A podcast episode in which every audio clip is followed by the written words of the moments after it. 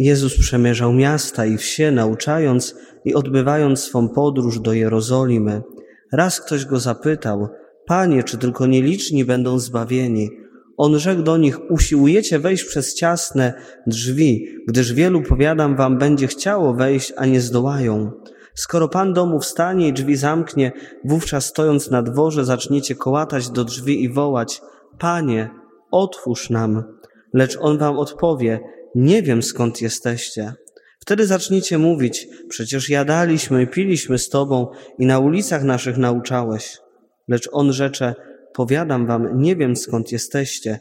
Odstąpnie, odstąpcie ode mnie wszyscy, którzy dopuszczacie się niesprawiedliwości. Tam będzie płacz i zgrzytanie zębów, gdy ujrzycie Abrahama, Izaaka, Jakuba i wszystkich proroków w Królestwie Bożym, a siebie samych precz wyrzuconych. Przyjdą ze wschodu i zachodu, z północy i południa i siądą za stołem w Królestwie Bożym. Tak oto są ostatni, którzy będą pierwszymi i są pierwsi, którzy będą ostatnimi. Pewnego razu Jezusa zapytał, Panie, czy tylko nieliczni będą zbawieni?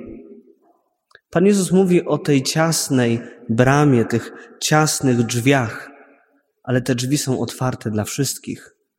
Wymagania, które stawia Jezus, są mm, rzeczywiście duże, bo taka jest miłość wymagająca, ale drzwi są zbawienia otwarte dla wszystkich. I drogie siostry, drodzy bracia, tak wczytując się w tą dzisiejszą liturgię słowa, tak ją odczytuję, że Pan Bóg zaprasza nas do tego, byśmy byli zbawieni. Pan Bóg chce nam pokazać, że bardzo pragnie Twojego i mojego zbawienia. I bardzo konkretnie też pokazuje, w jaki sposób to zbawienie się dokonuje. Już w pierwszym czytaniu z Izajasza o tym usłyszeliśmy. Przybędę, by zebrać wszystkie narody. Pan Bóg chce zbawić człowieka nie indywidualnie, ale chce nas zbawić we wspólnocie. Dlatego daje nam Kościół. To czytanie z księgi Izajasza to dopiero jest zapowiedź. To zbieranie narodu izraelskiego jest zapowiedzią zebrania Kościoła, który rodzi się w momencie śmierci Jezusa. Bóg nas zbiera, aby nas zbawić. Zbiera nas we wspólnotę, bo we wspólnocie o wiele łatwiej jest wierzyć. Za chwilę też podzielę się takimi dwoma przykładami z ostatniego czasu. Bóg chce nas zbawić w Kościele. Słowo Kościół, łacińskie słowo eklezja, to wspólnota. Natomiast greckie słowo Kościół, ekkalein, to wołać. Jezus nas zwołuje. Zwołał nas też tutaj dzisiaj. To nie jest moje, tak jak powiedziałem na początku mszy świętej, indywidualne spotkanie z Bogiem, ale to jest nasze spotkanie. Popatrzcie w prawo. No teraz widać, kto słucha kazania, kto nie. Popatrzcie w lewo. Jesteśmy razem przed Bogiem. I drugie czytanie nam pokazuje, że Pan Bóg traktuje nas jak swoje dzieci. Dopuszcza różne doświadczenia. Kto żyje we wspólnocie, żyjecie w małżeństwach, ja żyję we wspólnocie na plebanii z proboszczem. Są różne momenty. Ale Pan Bóg przez te momenty chce nas doświadczyć. Chce, żebyśmy dojrzewali. To Jego karcenie to nie kara za grzechy, ale dopuszcza też trudne doświadczenia we wspólnocie, w życiu wspólnoty, po to, żebyśmy wzrastali, żebyśmy się miłości uczyli, ale On traktuje nas jak swoje dzieci. Mówi, synu mój, Bóg obchodzi się z wami jak z dziećmi. Wszyscy jesteśmy wspólnotą Jego dzieci. On jest naszym Ojcem. I tak jak mówiłem, chciałem się też podzielić takim doświadczeniem ostatnio żywego Kościoła. Miałem w tym tygodniu okazję być y, z kilkoma osobami z naszej parafii na pielgrzymce do Częstochowy. Przynajmniej jeden etap udało nam się przejść. Y, wieczor- po południu, kiedy doszliśmy do Ciasnej, poszedłem też na plebanie na chwilę, żeby z księżmi się spotkać.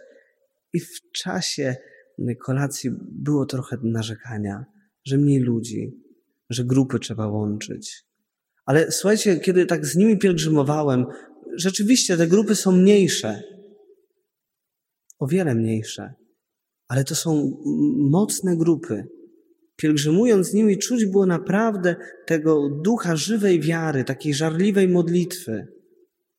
I tak się właśnie odradza Kościół z małych, ale mocnych wspólnot. Potrzebujemy takiego doświadczenia małej wspólnoty.